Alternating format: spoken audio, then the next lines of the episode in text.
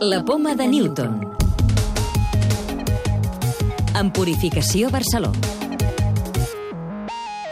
Aquesta setmana viatgem fins a un petit asteroide, Venu, de només 500 metres de diàmetre, però considerat potencialment perillós.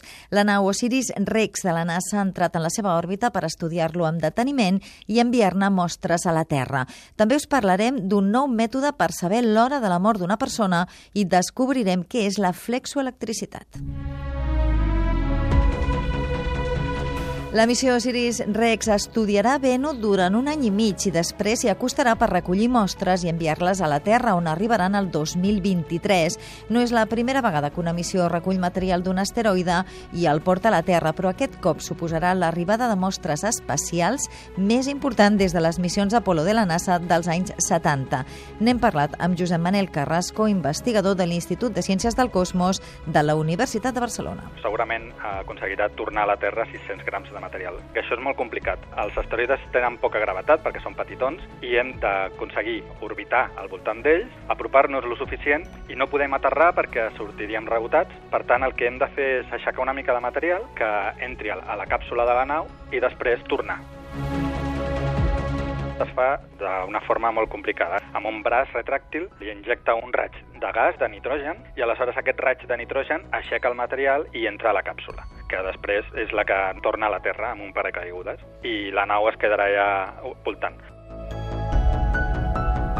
Per què s'estudia aquest asteroide en concret? S'ha escollit perquè és un asteroide potencialment perillós, és a dir, que s'apropa a la Terra molt. Per tant, hi ha algun moment en el que podria fins i tot eh, xocar. El 2175 eh, fins al 2199 té probabilitat de col·lisionar amb la Terra.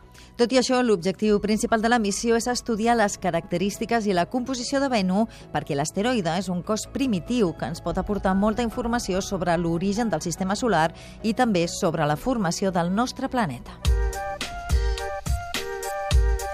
També ens fem ressò d'una recerca del Centre de Regulació Genòmica, el CRG, que ha desenvolupat un model matemàtic que pot determinar amb molta més precisió que ara a quina hora ha mort una persona. El nou model pot ser molt útil en medicina forense. En Roderic Guigó és coordinador de bioinformàtica del CRG. A partir de la mesura de l'expressió dels gens en un nombre diferent de teixits d'una persona morta, podríem predir el temps que fa aquella persona ha mort. En el canvi del patró d'expressió dels gens en els diferents òrgans del cos humà pres de la mort, hi ha una informació que pot ser utilitzada per millorar els mètodes que es fan servir per predir el temps que fa que una persona està morta.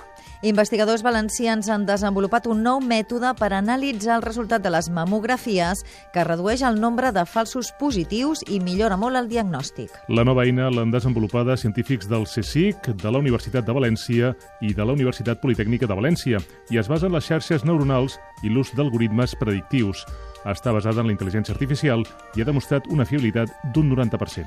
Els laboratoris d'ones gravitacionals LIGO i Virgo han fet públic un catàleg de totes les deteccions que han fet fins ara. Les ones gravitacionals ens permeten obtenir informació única sobre fenòmens estel·lars massius. En aquest catàleg hi ha la detecció rècord d'una fusió massiva de forats negres molt llunyans. El fenomen hauria passat fa 5.000 milions d'anys. La clau de volta. Què és la flexoelectricitat? Gustau Catalán, investigador i crea de l'Institut de Neurociència ICN2. La flexoelectricitat és una propietat que tenen gairebé tots els materials que fa que quan els dobleguis generin una mica d'electricitat. Si la tenen tots els materials, com és que no m'enrampo quan doblego una cosa. A l'escala humana en la qual nosaltres ens movem, quan doblegues una cosa, l'electricitat que genera és molt petita. Però si vas a la nanoescala, les coses es poden doblegar molt més. Aleshores, en nanoescala, la flexoelectricitat sí que és important i sí que té efectes importants. Recordeu que ja podeu descarregar-vos el podcast de la Poma de Newton o subscriure-us al programa per rebre'l directament als vostres dispositius.